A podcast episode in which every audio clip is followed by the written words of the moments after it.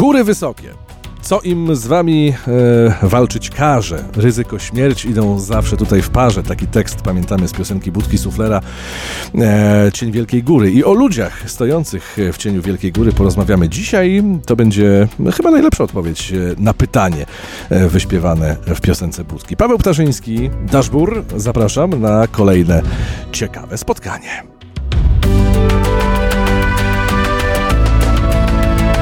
Łowcy wyzwań.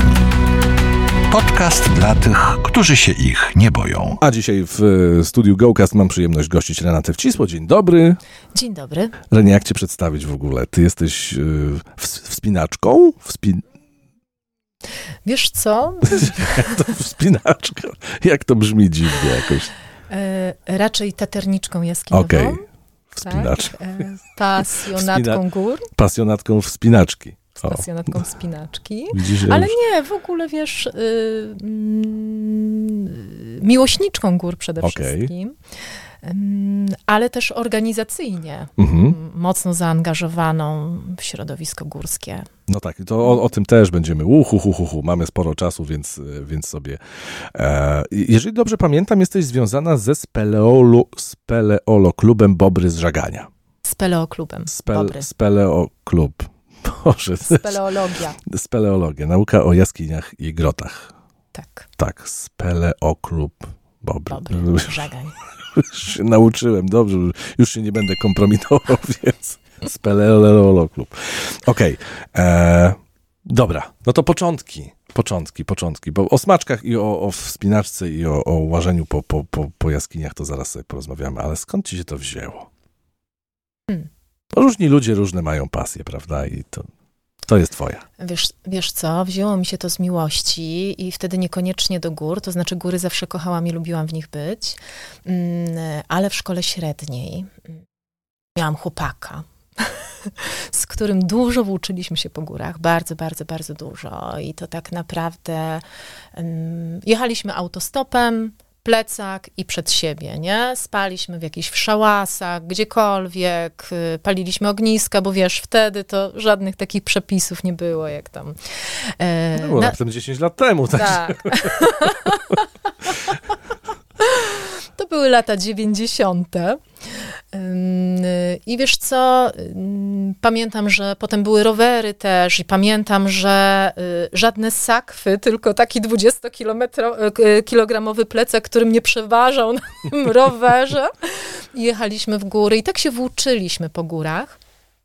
E, a jego tata był taternikiem jaskiniowym e, takim już nie do końca praktykującym, ale gdzieś ta, wiesz, e, ta ta pasja pozostała i, e, i trochę się tak razem włóczyliśmy właśnie śladami rodziców. E, moja mama, myślę, że też trochę zaszczepiła we mnie góry, opowiadając, jak to tam pod, pachą, pod pachę brała mnie i, i w Tatry. E, I zawsze lubiłam te góry i pamiętam, że ogromną frajdę sprawiało mi, kiedy kiedy jeździliśmy na wycieczki szkolne w góry i się włóczyliśmy i, mm, i też na różne obozy jeździłam w góry e, i to też e, pozostało mi.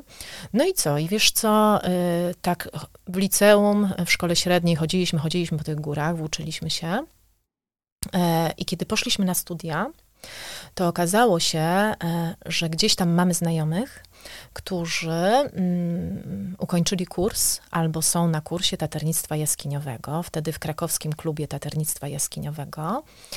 E, no i może byśmy spróbowali. A już mieliśmy doświadczenia e, jaskiniowe na Jurze. Pamiętam, że e, właśnie Sebastian razem z kolegami próbowali odnaleźć jakąś jaskinię i kopali jakieś dziury. Na początku ja pilnowałam plecaków, a potem się sama wkręcałam. Y, I pamiętam y, takie wydarzenie, które do tej pory, jak y, wspominam, to,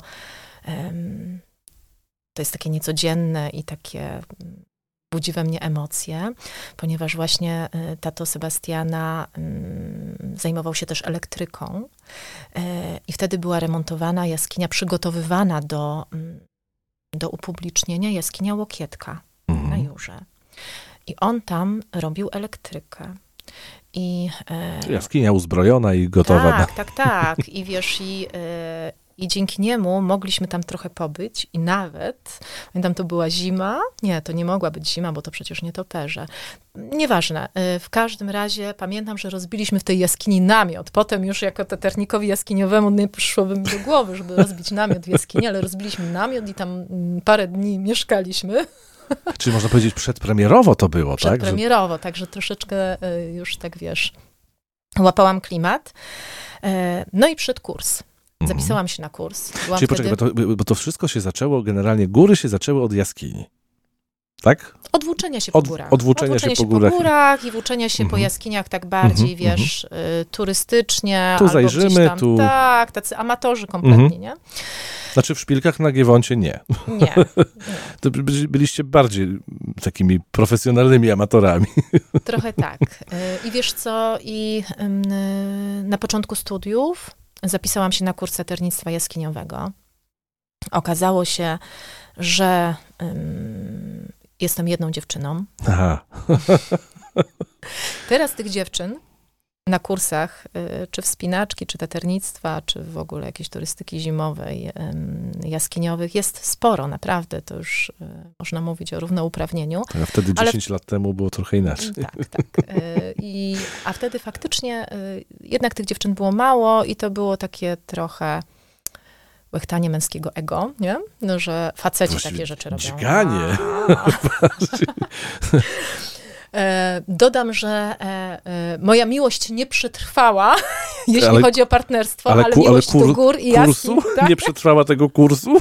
Nie, aż, żebyś wiedział, to też. Po, poprosimy o szczegóły. Ja natomiast ukończyłam kurs i, i ta miłość do gór i jaskiń została do, do, do dziś, chociaż przechodziła różne etapy. Czyli jednak to ego męskie zostało zadźgane skutecznie. E, a powiedz, e, e, e, kurs taternictwa jaskiniowego, bo jeszcze mm. wspomniałaś przed momentem, że jest kurs taternictwa wspinaczkowego. To jest coś... Taternictwa w ogóle, tak? Czy, czy no właśnie, e, co, czego się uczy na takim kursie jas, jaskiniow jaskiniowstwa. Grotołażenia. Grotołaże, o, Grotołaże. bardzo ładne. Ja my tworzę neologizmy dzisiaj jak, jak nienormalne. Nie wiem o co chodzi, może dlatego, że poniedziałek. E, kurs właśnie jaskiniowego. Tak, no, bo możemy mówić o kursie taternictwa, mhm. o kursie y, turystyki zimowej, czyli okay. takiego już zaawansowanego chodzenia po górach zimą. Możemy mówić o kursie wspinaczki, okay. tak? No właśnie. I tutaj też ten, te kursy wspinaczki, w zależności od tego, czy to jest podstawowy, czy już jakiś tam zaawansowany, też możemy rozróżnić. I kurs taternictwa jaskiniowego. Jest to chyba najbardziej wymagający kurs mhm. i najdłużej trwający. Kiedyś y, to trwał, y, trwał mniej więcej rok do półtora roku. Y, I po kursie taternictwa jaskiniowego ma się również uprawnienia do wspinaczki, do taternictwa, czyli to jest takie okay. kombo. A, mm, a tak. czyli to można dwa w jednym połączyć. Tak, dlatego że żeby być taternikiem Ach, jaskiniowym, tak.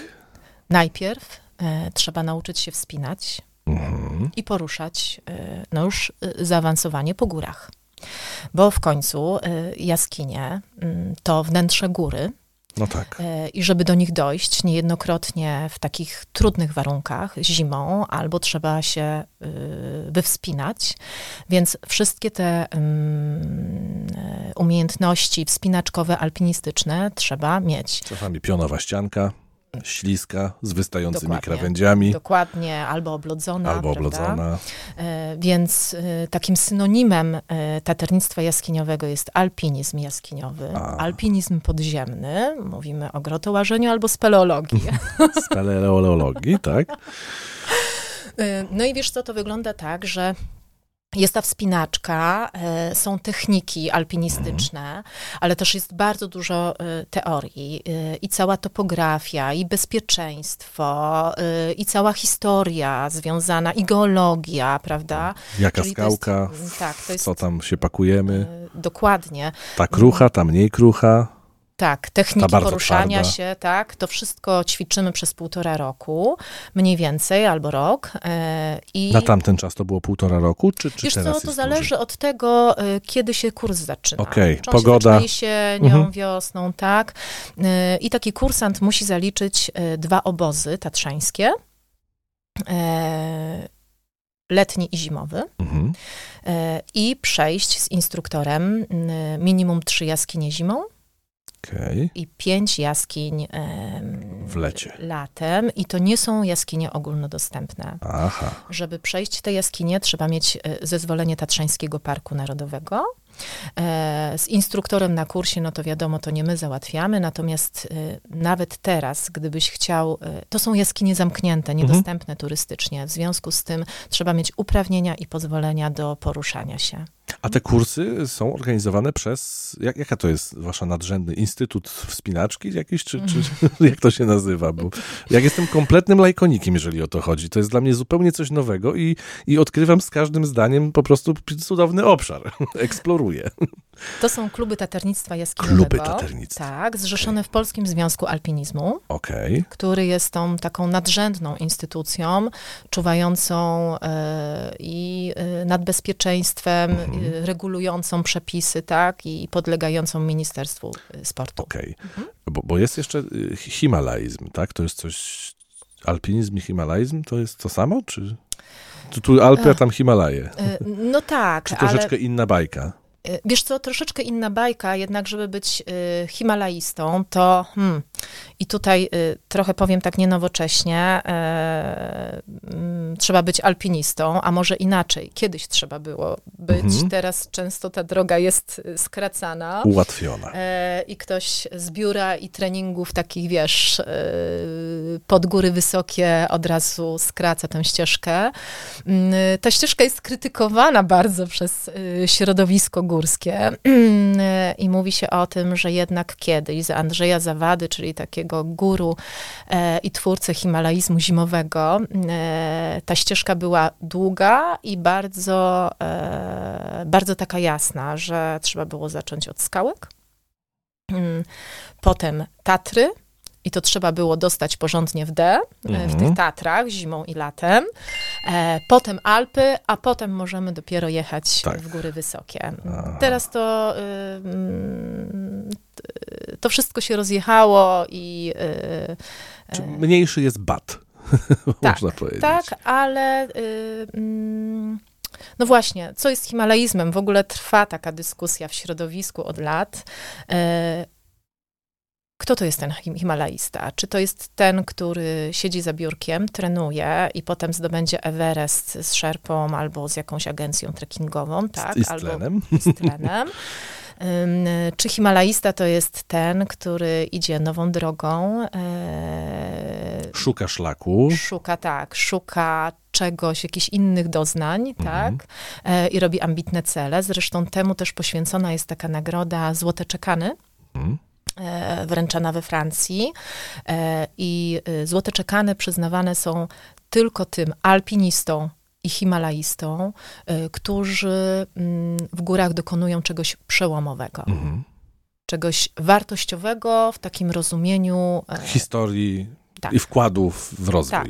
Natomiast y, w ogóle nie bierze się pod uwagę tego, że ktoś wszedł na Everest, czy tam po raz kolejny, nie wiem, tam Mhm. Już pół- 124 tą, tak, tą raz. samą utartą drogą Mhm, ze mhm. wsparciem. Mhm. Półtora roku wspomniałaś o, Mhm. tym, e, o tym kursie combo, e, takim, i on się kończy, e, wspomniałeś o egzaminach, tak, że trzy zimą, pięć, Y, Trzy jaskinie. trzy jaskinie Mhm. zimą, pięć latem i później co, co, co się dostaje? Dyplom i medal, i, i glade, tak? Nie, Jakieś to nie jest takie proste. legitymacja w taternika. Legitymację, tak. E, Kartę taternika Okej. jaskiniowego wydaną przez Polski Związek Alpinizmu. Ja mam numer 199.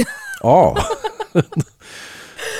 E, Wiesz co, mm, tak, ten egzamin e, nie jest prosty, jest wymagający i faktycznie mm, i praktyczny, i teoretyczny. Mm. Mnie to dłużej zajęło niż półtora roku, ponieważ mm, trochę zmieniło mi się życie. E, I egzaminu nie zdawałam w krakowskim klubie taternictwa jaskiniowego, Mhm. gdzie robiłam ten kurs, ale zdawałam w Spelo klubie Bobry Żaga, nie? O, Y, I ta ścieżka mi się wydłużyła właśnie przez przeprowadzki i różne zawirowania e, życiowe. No i, e, i potem ta droga już w Spelo klubie od 20 albo i więcej lat, 22 trwa. trwa. E, ale nie tylko jaskiniowa. Nie tylko grotołaszcza. Grotołazowa. Nie, i wiesz co, po, mm, po kursie taternictwa jaskiniowego mało się wspinałam, Mhm. E, ale w pewnym momencie e, razem z przyjaciółmi poczułam, że tak, że chciałabym i mimo iż uprawnienia miałam, to poszłam jeszcze raz na kurs wspinaczki w Sokoliki do mojego kolegi serdecznego, Michała Kajcy, to był 2011 rok i tak, e, tak bardziej weszłam we, we wspinanie. No a poza tym jest jeszcze chodzenie po górach. Mm, Takie, wiesz, takie turystyczne, o, wyskoczyć sobie tutaj gdzieś w Sudety, czy, czy gdzieś y, w Beskidy, w Tatry.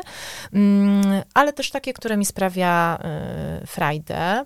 No powiem ci, że y, mm, moim marzeniem była Ameryka Południowa i, i sześciotysięczniki.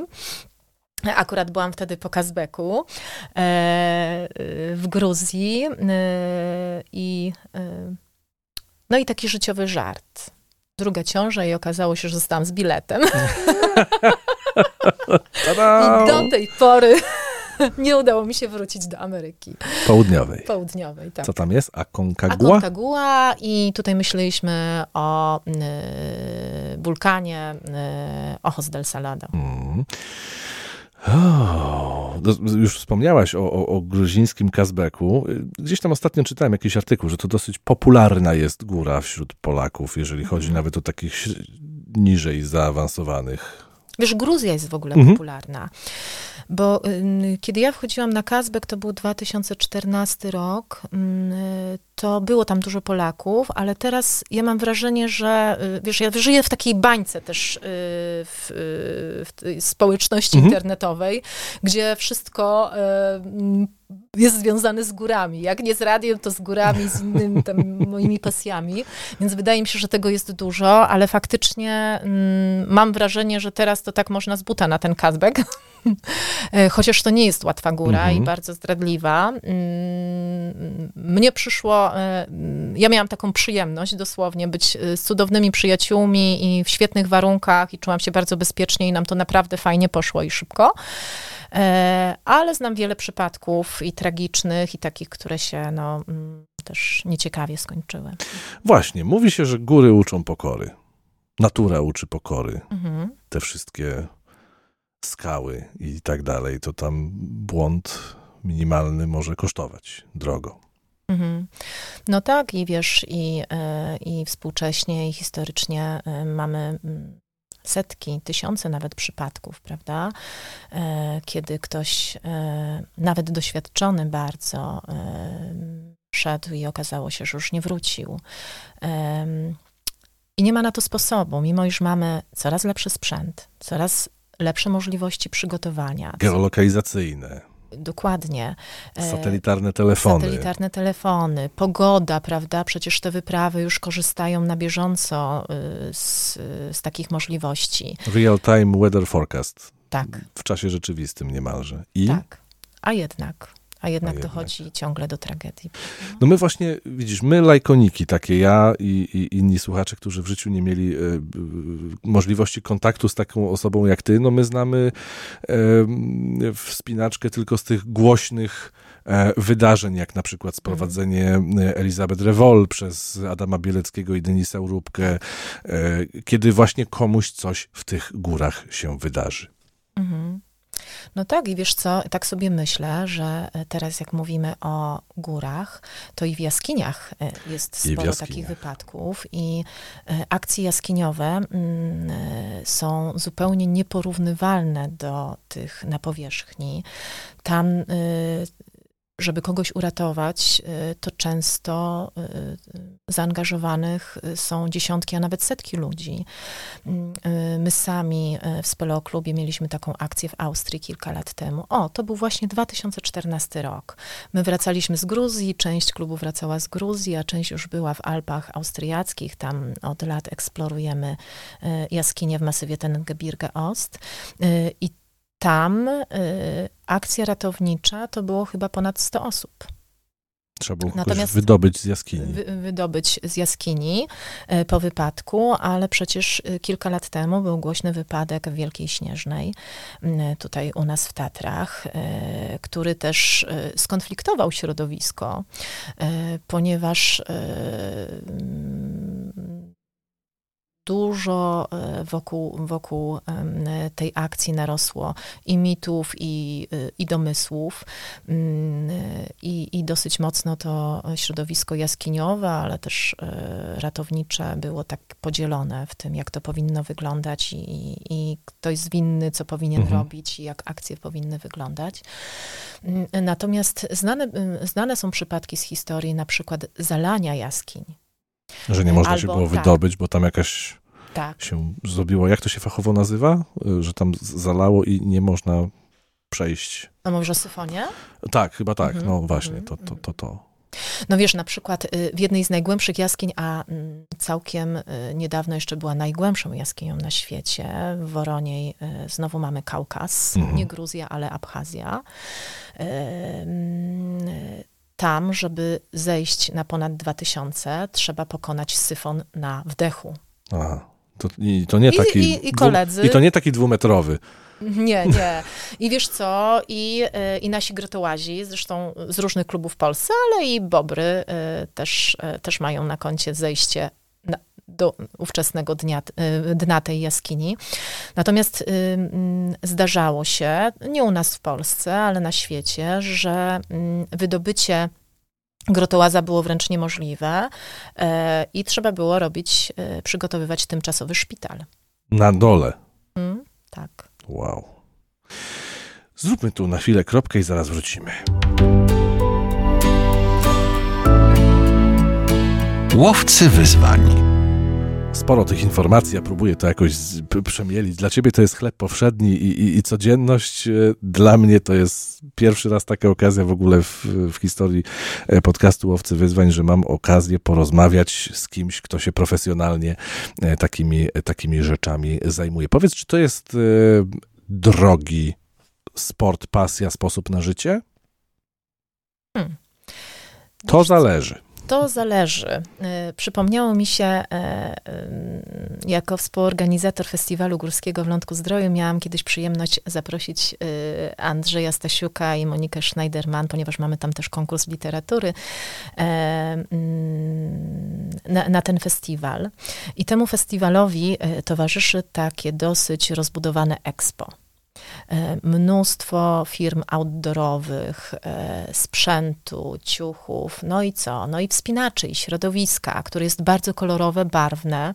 E, niebieskie kurtki, różowe, czerwone, żółte, zielone, tak? No taki, taką mamy modę sportową, prawda? Co widać zresztą po tych różnych naszych supermarketach sportowych. I oprowadzam Andrzeja po po tej strefie festiwalowej. A on, a on, wiesz, w takim zielonym ubranku leśnika wręcz. Patrzy na to wszystko idzie, i mówi? Idzie i mówi tak, Terenia. Jezu, to normalnie subkultura, nie? No tak, no jeżeli... Jak oni wszyscy są ubrani. Jeżeli, jeżeli jest y, y, y, sposób zarobienia na kimś, kto zajmuje się takimi działkami, to dlaczego by nie pomyśleli producenci odzieży termoaktywnej? Dokładnie. I wiesz, i to idzie w dwóch kierunkach. E, e, nie musisz mieć wiele pieniędzy, żeby podróżować, nie musisz mieć wiele mm, pieniędzy, żeby uprawiać y, sporty ekstremalne. Oczywiście, no, zawsze to jest tam mm, ta y, pierwsza inwestycja, żeby mieć sprzęt, tak? Mhm. I to jest najważniejsze, żeby mieć bezpieczny sprzęt. Ale jeżeli chcesz na bieżąco być w nowinkach, jeśli chodzi o sprzęt i ubrania i chcesz być, wiesz, modny No i to wygodny, można i, i, i co sezon zmieniać. to, to wiesz co, co, tak, A co co wchodzi, sezon. co wchodzi na, na, e, w skład takiego podstawowego wyposażenia waszego? E, Liny, Uprząż. uprząż, liny, karabinczyki, Karabinki, tak, karabinki, kask. Mhm. mhm. Cze- czekany? Czy, nie? No to wiesz, no, y, czekany, jeśli ktoś chce coś robić zimą, Mhm. tak? No tak, bo to trzeba się tam Tak. wgryźć w ten. Bo jeśli mówimy o wspinaczce skałkowej, Mhm. e, no to podstawą jest, wiesz, taki sprzęt do, y, czyli uprząż, kask, tak, karabinki e, i taki sprzęt y, do wspinaczki. Znaczy, może być drogo, nie musi być drogo. Tak, A sam kurs, y, czy- jakie to są, to są koszty? wiesz co, teraz nie wiem. Oho. Nie powiem ci, ile to kosztuje. Wiem, że w różnych miastach to też jest A inaczej. chociaż rząd wielkości, czy tam 10 koła trzeba szykować? Nie, czy... no co ty, nie, nie. Ale też nie 700 to na złotych. studenta, to na studenta, Tak? wiele więcej. Mhm. Aha, okej, No. dobra. E, wspomniałaś o pewnym wydarzeniu, które też chciałem zapytać, bo to jest, to jest dla mnie, jako kogoś patrzącego z boku, w- pewnego rodzaju ewenement. Ta społeczność, która zgromadzona jest wokół, wokół festiwalu górskiego w Lądku Zdroju, wspomniałaś, Mhm. festiwal imienia Andrzeja Zawady. E, to jest wasza, e, wasza impreza, twoja i twoich, e, twoich znajomych. Od jak dawna to organizujecie już? Bo ja tak sobie podejrzałem e, wasz festiwal i te, i te materiały, które tam produkujecie i ile tego jest, to, to, to w ogóle to jest, to jest ogrom roboty, ogrom w ogóle doświadczeń i, i bardzo fajna impreza swoją drogą. Y, Wiesz co, y, impreza odbyła się teraz we wrześniu po raz 28. Fiu. I mm, na tych pierwszych imprezach nie byłam, mm, bo trafiłam na festiwal 12-13 lat temu, a współtworzę go od 11 lat. Y, Najpierw y, prowadziłam różne wydarzenia lub, y, no tak, prowadziłam, angażowałam się mm, na różne sposoby, a od 10-9 lat, 10 jestem dyrektorem programowym tej imprezy. Samych wydarzeń bywa około 250 w ciągu czterech dni. Uff. Jestem w szoku. Jeszcze, dobra. 250 wydarzeń, czyli rozmowy, prelekcje, jakieś y, prezentacje, Spotkania, spotkania. Mhm. koncerty, e, warsztaty, biegi, festiwal dla dzieci, e, festiwal literatury, konkursy, gale, pokazy. E, Dziesiątki pokazów filmowych, bo jeszcze mamy konkurs filmowy, O. konkurs literacki. E, Więc Lądek ma około 6 tysięcy e, mieszkańców. Mhm. To drugie tyle zjeżdża na festiwal. Mniej więcej. Wow, Tak. super. Super. A powiedziałaś o, o, o, muzyce, że jest, że jest muzyka. Właśnie macie tak w swojej społeczności, że na przykład śledzicie jakieś kawałki z górami w, w tle? Czy to jest jakiś, jakiś inny rodzaj muzyki? Y, Nie, to jest, y, mm, to jest tak naprawdę dodatek y, do górskiej imprezy i owszem, mamy mm, przyjaciół, którzy chodzą po górach i mają swoje zespoły, ale my raczej idziemy na całość. Mm, Trzy lata temu to był Kult, Kazik, Mhm. dwa lata temu to był Hej, plus mnóstwo O. supportów, tak? E, W tym roku to był Zalewski, e, to byli Blendersi No to bo e, i pie- mnóstwo innych zespołów. Pierwsze, co mi się skojarzyło, to jak jakaś kapela góralska. albo, Smolik, albo, albo kapela złożona na przykład z, was, z waszych szeregów muzykalnych grotołazów, wspinaczy. Ach, to mieliśmy. Najbardziej, najbardziej pożądanym w tym roku i najbardziej takim wspominanym koncertem był e, koncert e, naszego e, prelegenta, głównej gwiazdy festiwalu, Tomasa Hubera.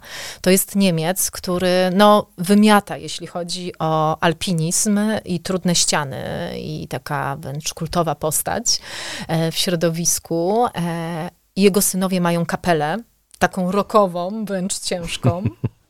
E, On długie włosy, wiesz, taki rockman.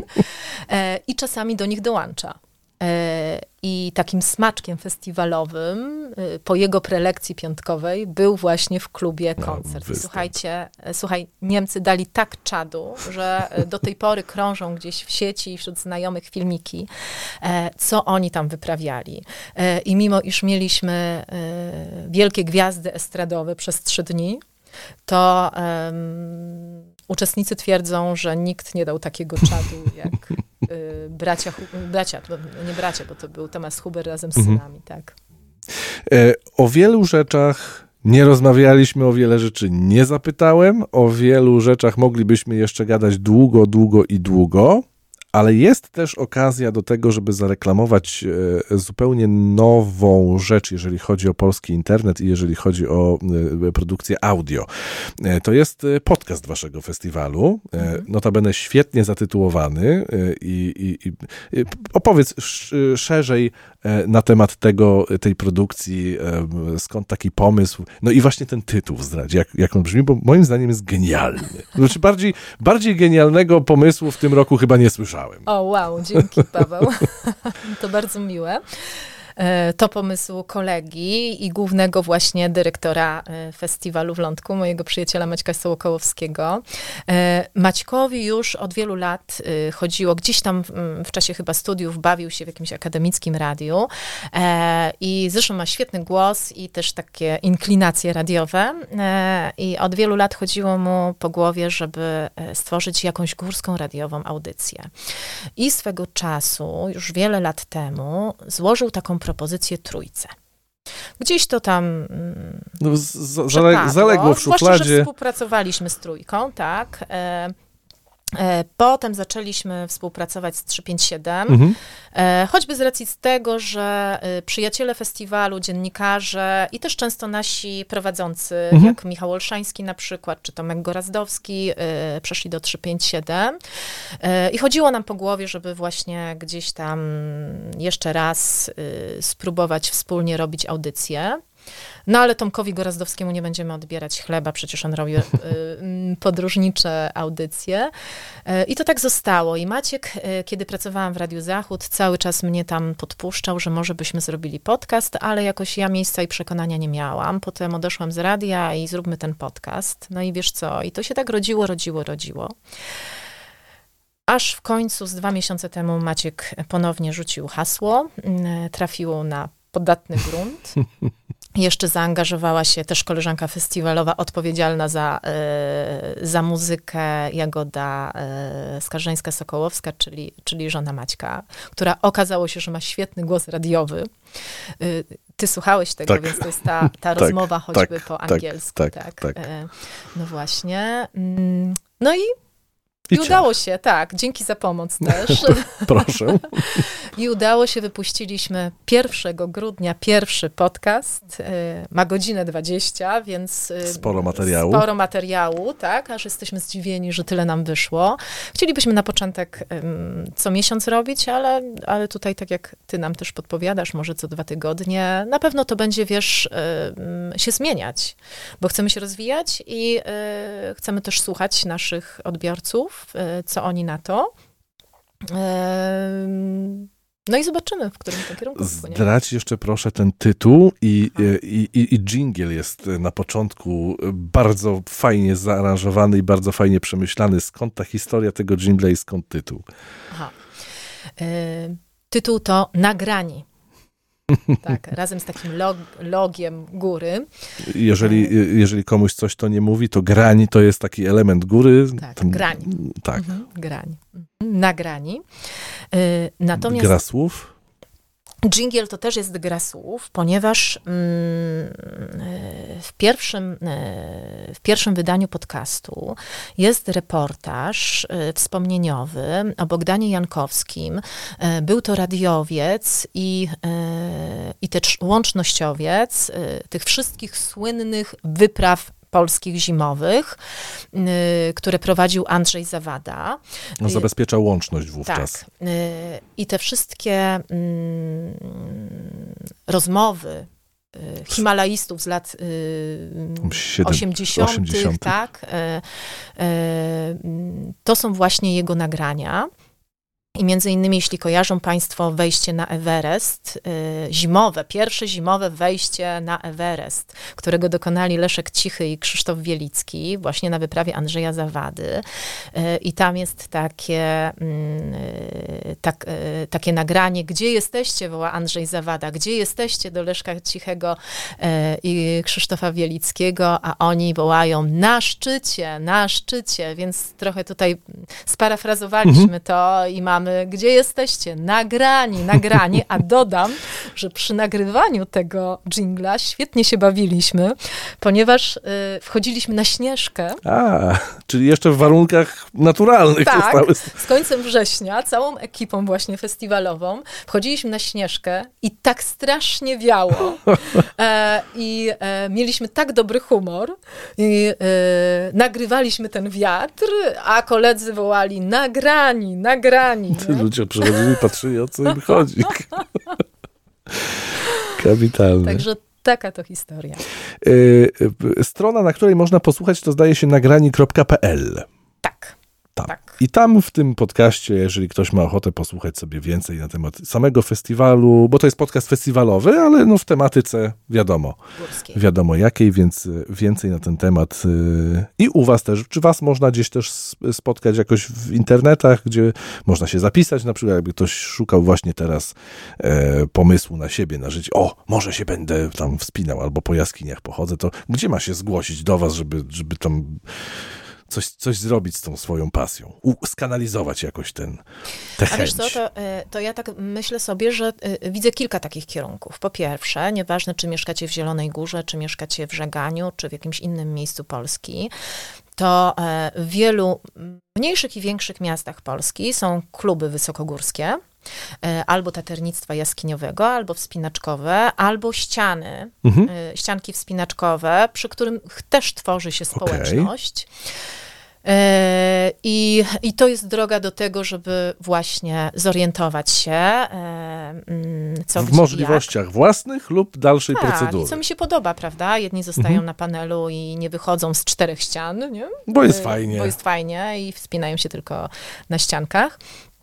E, Zapraszam też na festiwal, bo to jest e, ogrom inspiracji. Mhm. Festiwal odbędzie się na początku września mm, 2024 roku. Natomiast mamy też taki projekt jak filmy górskie. Mm, W Mhm. ogóle mm, w czasie pandemii, e, kiedy y, właśnie ten cały mm, festiwale były zamknięte, tak, wydarzenie, e, wydarzenia nie mogły być organizowane, więc e, chętnie wszyscy słuchaliśmy i oglądaliśmy w internecie, założyliśmy e, filmy górskie, pierwszą platformę górską filmów górskich VOD w Polsce, filmygórskie.pl. Tam też jesteśmy festiwalowo i też jesteśmy filmowo, więc jeżeli szukacie inspiracji, to tam też znajdziecie dużo informacji. Szukajcie nas też jako festiwalu górskiego na FB i na stronie festiwalgorski.pl. Tam też publikujemy dużo rozmów, dużo nagrań, y, ale też współpracujemy z wieloma instytucjami i klubami w Polsce. I to też jest ścieżka, żeby się gdzieś y, odnaleźć górsko. Czy takie, lajko, czy takie lajkoniki jak ja też są mile widziane na festiwalu? No ale rzeczywiście, ale rzeczywiście, wiesz, Znaczy, bo ja To- przyjdę na, na wejściu, pan się wspina? Nie, o to precz. Nie, ale to absolutnie tak nie wygląda. Y, mm, Festiwal to jest taka bardzo szeroka publiczność.